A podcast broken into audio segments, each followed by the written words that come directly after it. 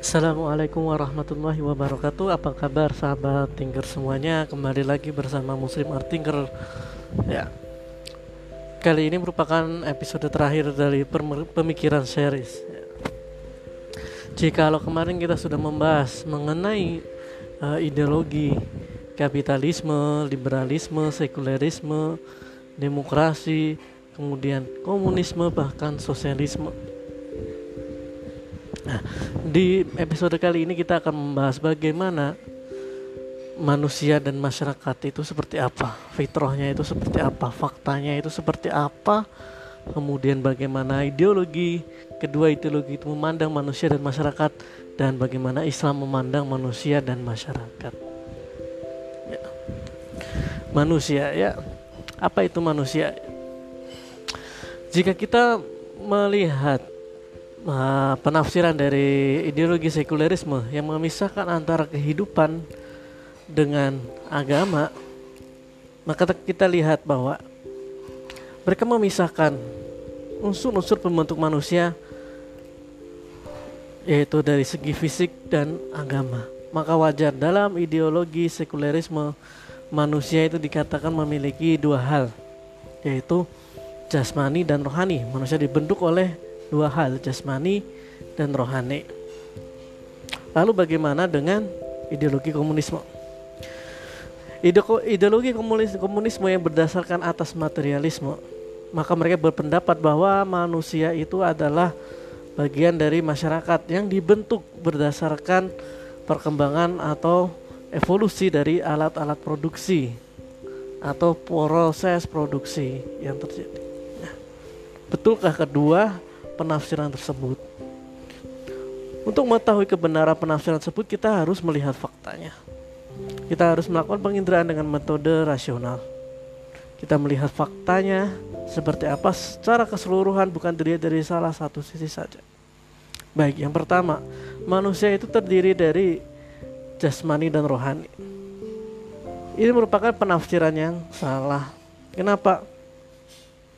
Karena jika manusia itu terdiri dari jasmani dan rohani, maka orang-orang ateis tidak bisa disebut manusia.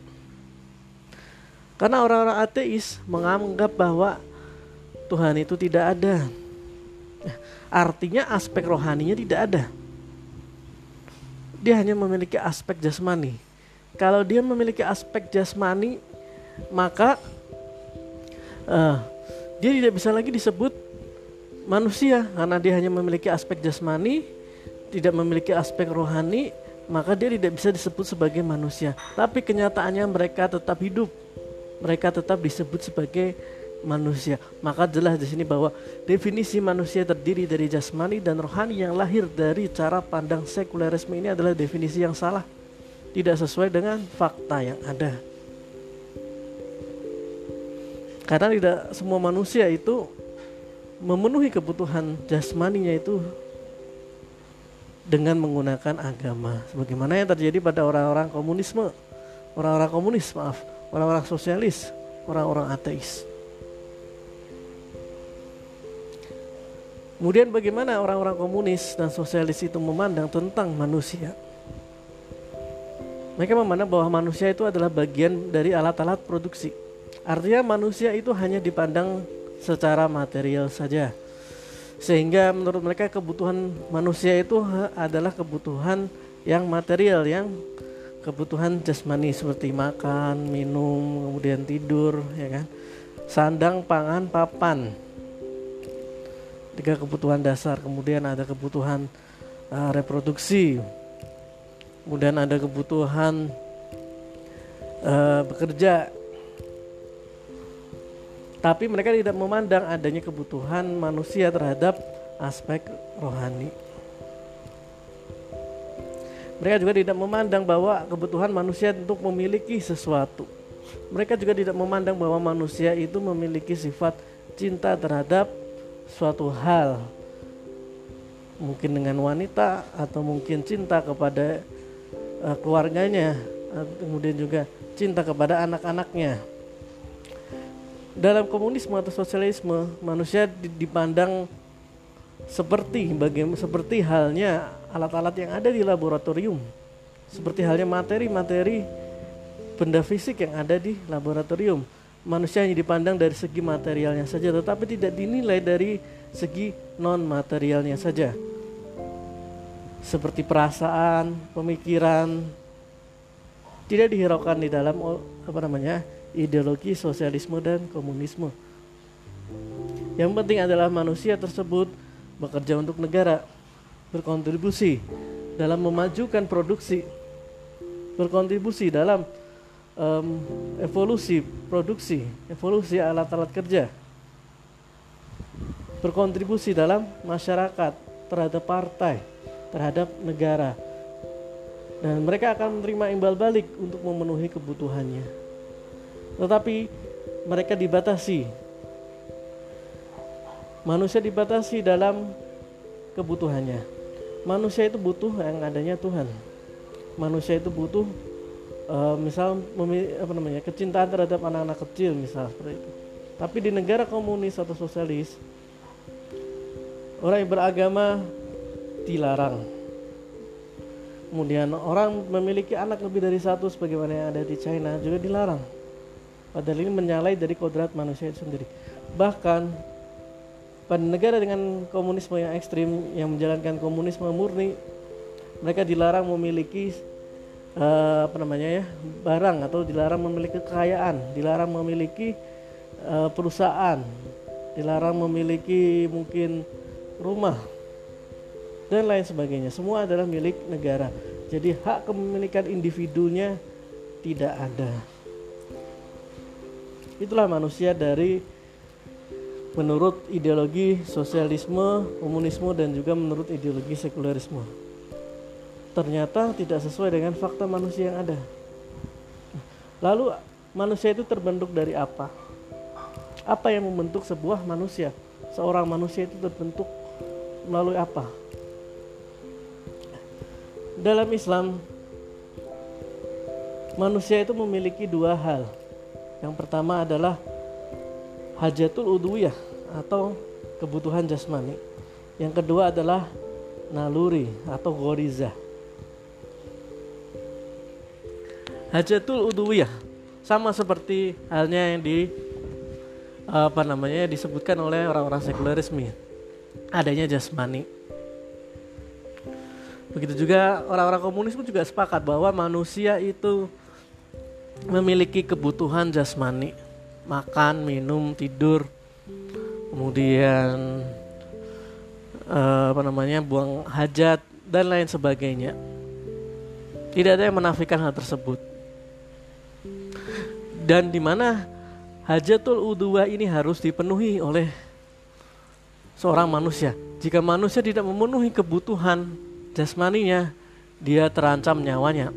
Manusia tidak makan berhari-hari, tidak minum berhari-hari, tidak tidur berhari-hari, tidak buang hajat berhari-hari bisa terancam keselamatan jiwanya.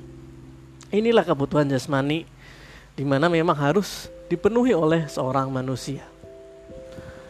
Sedangkan yang kedua adalah goriza. Goriza itu adalah naluri. Nah, di sinilah perbedaan bagaimana cara pandang sekulerisme, komunisme, dan Islam terhadap yang namanya goriza ini. Menurut sekulerisme, goriza ini dipandang dari segi seksualnya saja, misal kebutuhan naluri seksual, kemudian naluri menolong dan lain sebagainya. Sedangkan menurut orang-orang komunisme, banyak kan tidak mengakui adanya yang namanya naluri tersebut kecuali beberapa hal saja, misal seperti naluri seksual dan lain sebagainya. Secara garis besar, menurut pandangan dari Syekh Taqiyuddin An-Nabani, dikatakan bahwa naluri manusia itu sebenarnya hanya ada tiga jenis. Yang pertama adalah naluri bertuhan. Yang kedua adalah naluri melestarikan jenis. Yang ketiga adalah naluri mempertahankan diri. Naluri bertuhan atau naluri mengagungkan sesuatu. Apa itu? Artinya bahwa setiap manusia pasti ada keinginan untuk menuhankan sesuatu, mengagungkan sesuatu. Dan ini tidak bisa dihilangkan dalam diri setiap manusia. Manusia pasti ingin menuhankan sesuatu.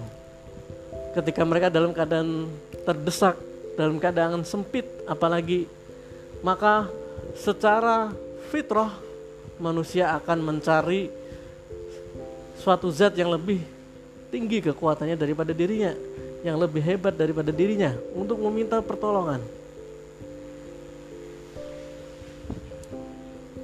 Makanya kalau dikatakan bahwa manusia itu tidak boleh bertuhan, manusia itu tidak bertuhan, itu menyalahi fitrah manusia itu sendiri. Karena manusia memiliki fitrah mengagungkan sesuatu. Terus bagaimana dengan orang-orang ateis, orang-orang komunis yang mengaku mereka tidak bertuhan? Mungkin mereka tidak bertuhan, tapi mereka menuhankan selain Tuhan. Misal tokoh-tokoh pemikiran mereka, mereka menuhankan Karl Marx, mereka menuhankan Lenin, mereka menuhankan Stalin. Mereka menganggap luar biasa Karl Marx itu, Stalin itu luar biasa, Lenin itu luar biasa.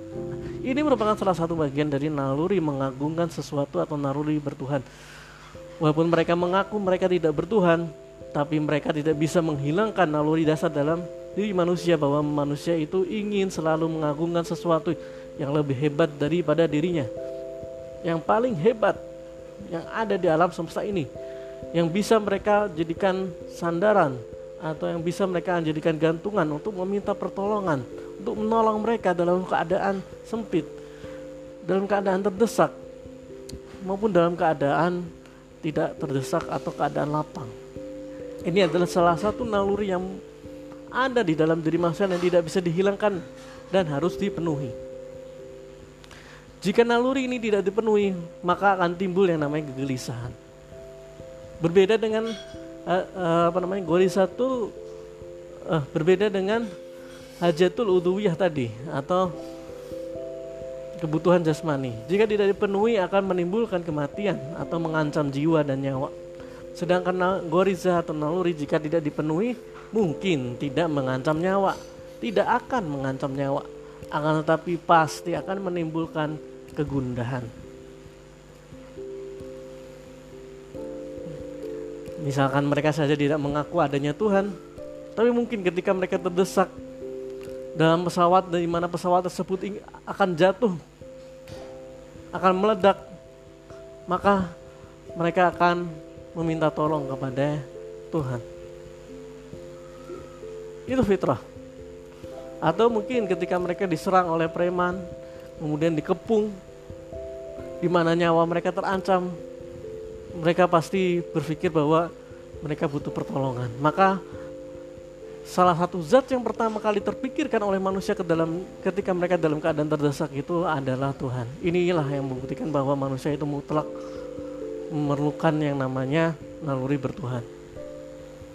Atau manusia itu pasti memiliki naluri bertuhan ini. Kemudian yang kedua, naluri mempertahankan jenis. Naluri mempertahankan jenis ini adalah naluri di mana mereka ingin mempertahankan keberlangsungan jenis yaitu jenis manusia itu sendiri. Contoh dari naluri ini adalah mereka ada keinginan hasrat dari seorang lelaki kepada seorang wanita. Ada kecintaan seorang anak terhadap ibunya atau sebaliknya seorang ibu terhadap anaknya.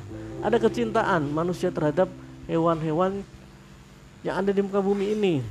Ada kecintaan antara satu manusia dengan satu manusia yang lain, antara sesama teman dengan sesama teman, dengan sahabatnya sendiri. Mereka saling melindungi. Apabila salah satu terancam nyawanya, mereka siap berada di depan melindungi orang yang mereka kasihi, orang yang mereka sayangi, orang yang mereka cintai. Tujuannya tidak lain adalah untuk melestarikan jenis manusia sehingga manusia itu tidak punah. Naluri ini pun mutlak yang ada dalam diri manusia. Dan naluri ini harus dipenuhi jika tidak akan menimbulkan kegundahan. Maka tidak tidak benar jika ada sebuah agama yang melarang pengikutnya itu untuk apa namanya menikah. itu bertentangan dengan fitrah manusia. Di mana mana manusia ada kecenderungan suka terhadap jenis kelamin yang lain. Pria suka kepada wanita, wanita suka kepada pria. Jika hal ini tidak dipenuhi, maka akan timbul suatu penyelewengan, akan timbul suatu kegundahan di dalam diri manusia. Begitu juga manusia ingin memiliki keturunan, memiliki anak. Jika hal ini dibatasi juga akan menimbulkan kegundahan, menimbulkan apa namanya pertentangan di dalam hatinya. Misal seperti di China ada namanya one child policy atau istilahnya hanya boleh memiliki satu anak saja. Akan tetapi kadang mereka tidak bisa memprediksi. Tiba-tiba ketika mereka uh, antara suami dan istri tersebut berhubungan, kemudian tidak sengaja muncul anak kedua, maka apa yang harus dilakukan? Jika menurut uh, apa namanya kebijakan negara komunis atau sosialis, maka anak tersebut harus dibunuh. di sini bertentangan dengan kemanusiaan, bertentangan dengan naluri melestarikan jenis tersebut. Sehingga ini bertentangan dengan fitrah manusia. Kemudian yang ketiga adalah naluri mempertahankan diri. Naluri mempertahankan diri ini adalah naluri di mana manusia ingin berkuasa, manusia ingin melindungi dirinya. Misal ketika mereka diserang oleh sekelompokan preman, mereka pasti ingin pasti akan memberontak, mencoba melawan, keluar dari hal tersebut untuk menyelamatkan nyawanya. Kemudian manusia ada keinginan untuk meraih kekuasaan, menambah kekayaan. Supaya apa? Supaya dirinya berada dalam kondisi yang aman. Tidak kekurangan. Kemudian tidak ditindas oleh yang lainnya. Ini merupakan salah satu naluri yang mutlak ada dalam diri manusia. Naluri mempertahankan diri. Ketiga naluri ini adalah naluri dasar dari manusia.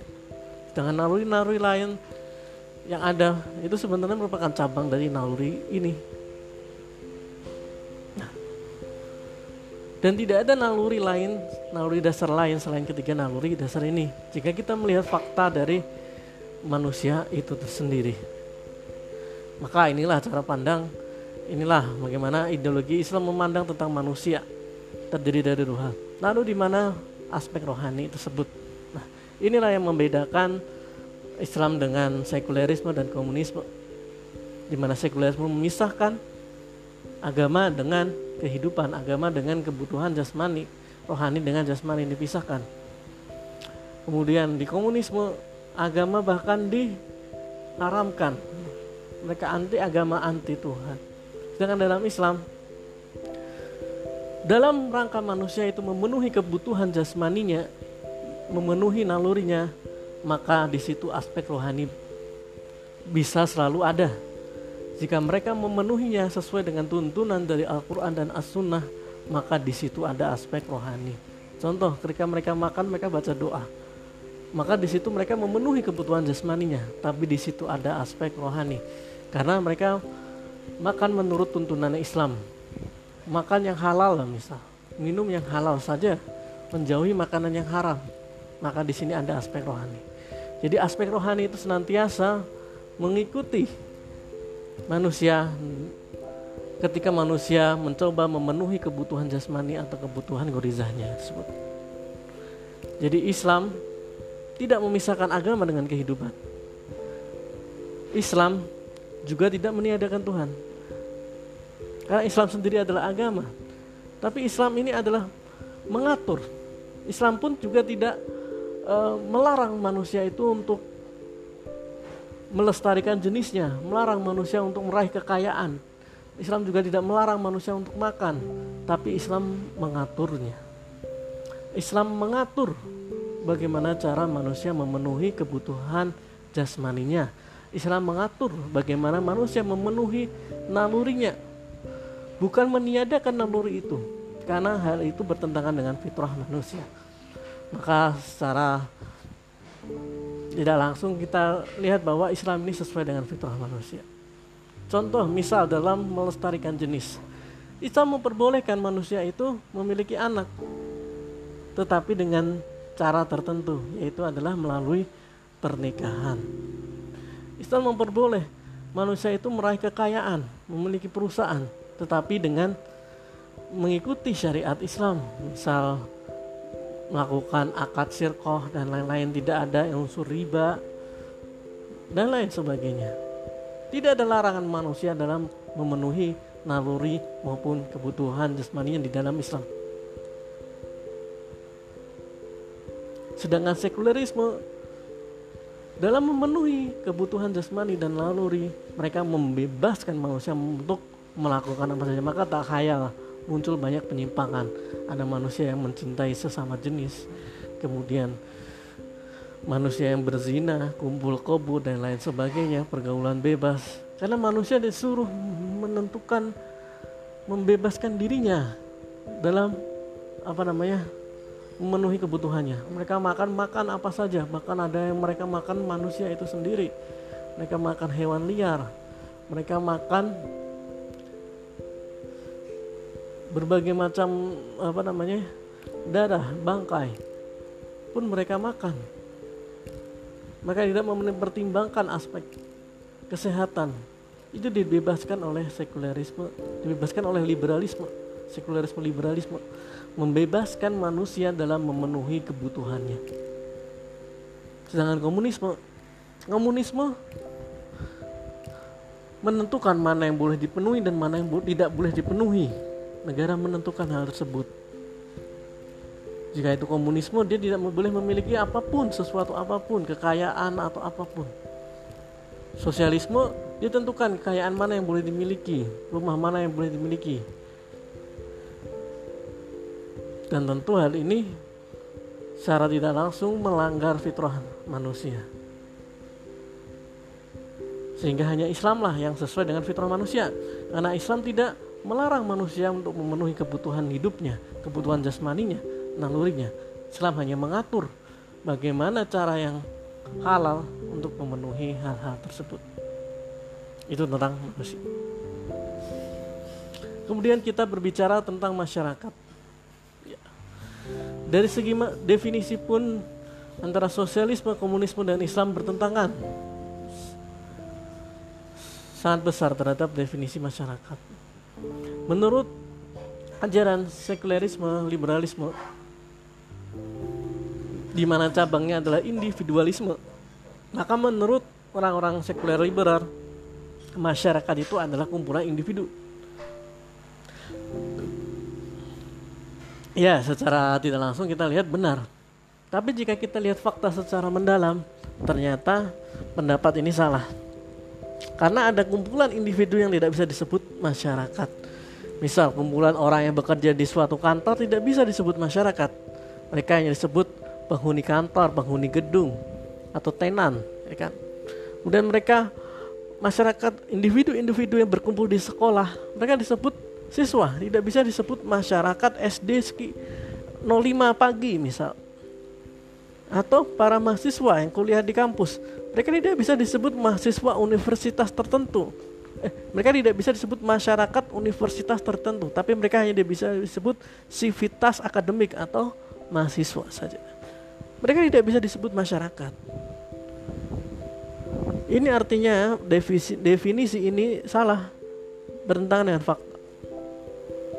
Karena masyarakat itu tidak sekedar kumpulan individu makanya salah. Jika kemudian kita anggap definisi ini benar maka kemudian kita katakan bahwa untuk merubah masyarakat maka kita harus mengubah individunya. Karena masyarakat adalah kumpulan dari individu. Maka ini adalah suatu pernyataan yang salah. Yang lahir daripada uh, logika yang salah. Logika di mana di, di dalamnya dibangun premis-premis yang tidak sesuai dengan fakta sehingga dihasilkanlah kesimpulan yang salah dan kemudian jika ini dijadikan panduan maka kita akan melihat bahwa ternyata dengan menggunakan panduan tersebut kita gagal mengubah masyarakat. Kemudian menurut komunisme atau sosialisme, yang namanya masyarakat itu adalah terdiri dari alat-alat produksi. Salah satunya adalah mereka dibangun oleh sejarah tertentu, keadaan geografis dan alat-alat produksi. Akan tetapi mereka lebih menekankan kepada alat-alat produksi mereka uh, melihat dari perkembangan apa namanya ya masyarakat yang ada di dunia ini. Yaitu ketika zaman dahulu kala manusia itu menggunakan batu dalam bercocok tanam berburu dan lain sebagainya itu menggunakan peralatan dari batu. Kemudian muncullah zaman berikutnya dalam peradaban Mesopotamia. Ternyata alat-alat yang dipakai itu lebih maju. Misal sudah ada yang namanya palu, cangkul gitu seperti itulah dan ada meja-meja, perjamuan dan lain sebagainya, ada sarkofagus dan lain sebagainya. Kemudian peradaban makin maju, muncullah namanya Romawi, Yunani, ya kan? Kemudian Persia, kemudian peradaban Mesir kuno, mereka bisa membangun piramid, kemudian ada peradaban di Aztec dan lain sebagainya. Dengan peralatan yang lebih canggih, hingga akhirnya muncullah revolusi industri yang menghasilkan peralatan yang lebih canggih pula, yaitu mesin-mesin tenaga uap. Lalu kemudian muncul ditemukanlah listrik dan sekarang kita di berada di era digital. Mereka menganggap bahwa itulah yang membentuk masyarakat. Teknologi alat-alat produksi itulah yang membentuk masyarakat. Padahal faktanya tidak demikian. Adanya perkembangan teknologi, perkembangan alat-alat produksi itu terjadi karena perkembangan perkembangan pengetahuan, perkembangan pemikiran masyarakat, bukan pembentuk masyarakat. Karena terbukti uh, masyarakat yang ada di Amerika Serikat misal seperti ini, mereka tidak meng, apa namanya tidak menggunakan sistem ekonomi kapitalisme, eh, sistem ekonomi komunisme atau sosialisme, tapi peradaban mereka tetap maju berkembang sama majunya dengan peradaban yang ada di China. Sama maju dengan teknologi yang ada di China. Padahal mereka menggunakan dua apa namanya ideologi yang berbeda. Maka hal ini secara tidak langsung sudah menggugurkan argumen mereka bahwa masyarakat itu terbentuk melalui alat-alat produksi. Semakin maju alat-alat produksi semakin berkembang pula masyarakatnya. Nyatanya walaupun peradaban eh, teknologi maju di Amerika, di China, tetapi ternyata moral masyarakat masih rendah.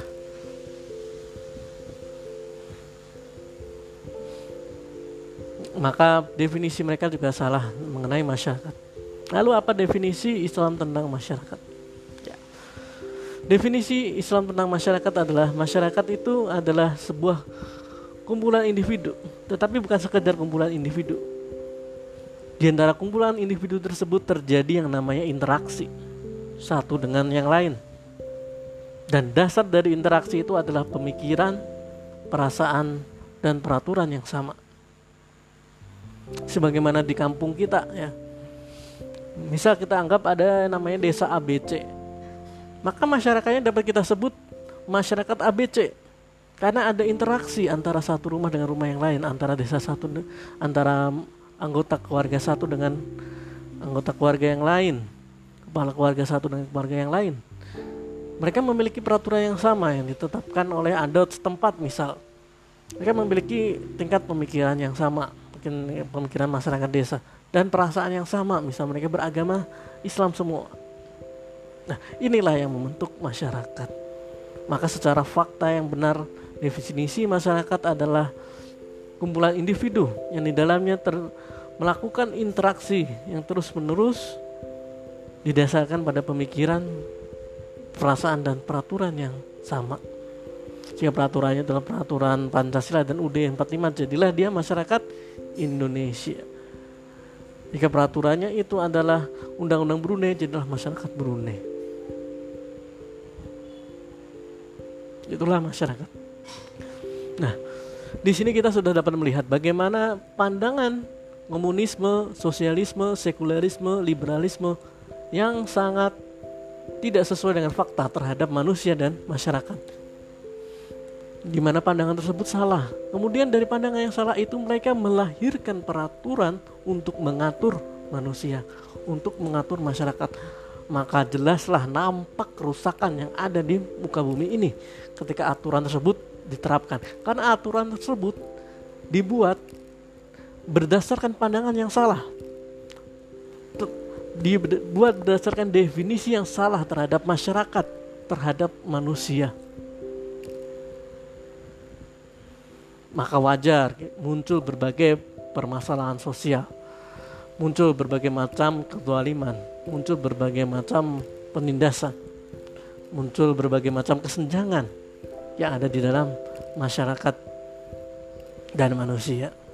Karena cara pandang yang salah karena mereka memandang fakta secara salah. Mereka salah menginterpretasi fakta. Mereka menggunakan logika, mereka menggunakan metode ilmiah untuk mengindra fakta manusia dan masyarakat. Kemudian mereka buat pemikiran berdasarkan hasil dari penginderaan tersebut. Sehingga pada masyarakat komunisme kita lihat bahwa ada penindasan yang luar biasa. Bahkan ada kemiskinan seperti kita lihat di Korea Utara. Dan dari masyarakat kapitalisme kita lihat mungkin secara ekonomi mereka maju secara teknologi maju tetapi terjadi kesenjangan yang luar biasa. Terjadi kemiskinan dan kekayaan yang timpang. Kemudian terjadi apa namanya penyimpangan seksual penyimpangan pergaulan jadi kriminalitas yang tinggi sekali. Kemudian dalam hal kepemilikan maka jelas berbeda. Jika komunisme ini mengatur mana yang boleh dimiliki dan mana yang boleh tidak boleh dimiliki, sedangkan sekularisme mengatur bahwa semua itu boleh dimiliki oleh individu. Islam membagi kepemilikan menjadi tiga: kepemilikan individu, ada kepemilikan negara, ada kepemilikan masyarakat. Di mana negara tidak boleh mengambil barang yang dimiliki oleh individu. Individu memiliki kepemilikan sendiri yang bisa berasal dari waris atau berasal dari bekerja dan lain sebagainya.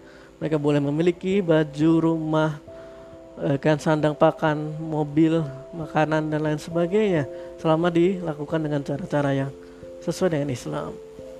Tapi mereka tidak memboleh boleh memiliki barang tambang sebagaimana yang terjadi di kapitalisme atau di sekularisme di mana barang tambang bisa dimiliki oleh individu yang akhirnya mengakibatkan kesenjangan sosial, kesenjangan ekonomi yang tinggi. Begitu juga barang tambang tidak boleh dimiliki oleh negara sebagaimana yang ada dalam komunisme yang mengakibatkan penguasaan negara terhadap kekayaan alam sehingga bisa terjadi adanya korupsi, bisa terjadi adanya uh, penyalahgunaan wewenang. Padahal sebenarnya negara hanya wajib mengelola, tetapi manfaat yang didapat itu harus dikembalikan kepada masyarakat karena itu adalah milik umum, milik masyarakat. Seperti itulah Islam mengatur kehidupan. Seperti itulah Islam, agama sekaligus ideologi. Islam tidak cuma mengatur masalah engkau dengan Tuhanmu, tapi Islam juga mengatur masalah antara manusia satu dengan manusia yang lainnya. Islam mengatur politik, sosial, ekonomi, dan budaya. Maka jika kita bandingkan ketiga ideologi tersebut, maka jelaslah cuman Islam yang layak mengatur. Jika Islam kita bandingkan dengan agama yang lain, maka jelaslah kebenaran Islam. Kebenaran Islam yang terang benderang, bagaikan cahaya matahari di siang hari. Ya tidak ada yang bisa menandingi cahayanya. Karena kita sudah membuktikannya secara akli dan akli bahwa Islam itu adalah agama yang benar, benar-benar berasal dari Allah Subhanahu wa taala. Benar-benar mengakui hanya ada satu Tuhan dan benar-benar sesuai dengan fitrah manusia. Setelah Islam merupakan salah satu-satunya ideologi yang paling baik jika dibandingkan dengan sekulerisme, liberalisme ataupun komunisme, sosialisme. Karena jelas bagaimana komunisme, sosialisme yang tidak sesuai dengan fitrah manusia, sekulerisme dan liberalisme yang justru membebaskan manusia mengatur dirinya sehingga timbullah kerusakan di mana-mana. Sedangkan Islam mengatur manusia untuk memenuhi fitrahnya dengan cara-cara yang dibenarkan oleh Allah taala. Islam tidak melarang manusia untuk memenuhi fitrahnya. Islam hanya mengatur bagaimana caranya. Dan jadi bukan cuma diatur, tapi Islam pun juga memberikan pahala bagi siapa saja yang memenuhi uh, kebutuhan jasmani nalurinya sesuai dengan Islam. Itulah Islam maka simpulannya adalah tidak ada selain Islam yang harus kita yakini. Tidak ada selain Islam yang harus kita mm, apa yakini, yang harus kita percaya, yang harus kita terapkan, yang harus kita pakai dalam mengatur kehidupan kita ini. Bukan hanya kehidupan individu, tapi kehidupan berdalam keluarga, bermasyarakat, dan bernegara. Sekian terima kasih apabila ada saran, kritik, komen silahkan uh, kunjungi Instagram kami Muslim Artinger atau halaman Facebook kami Muslim Artinger. Apabila ada kesalahan itu murni dari kami pribadi dan apabila ada kebenaran itu datangnya dari Allah Subhanahu wa taala semata. Sampai jumpa di seri-seri berikutnya. Wassalamualaikum warahmatullahi wabarakatuh. Salam pemikir.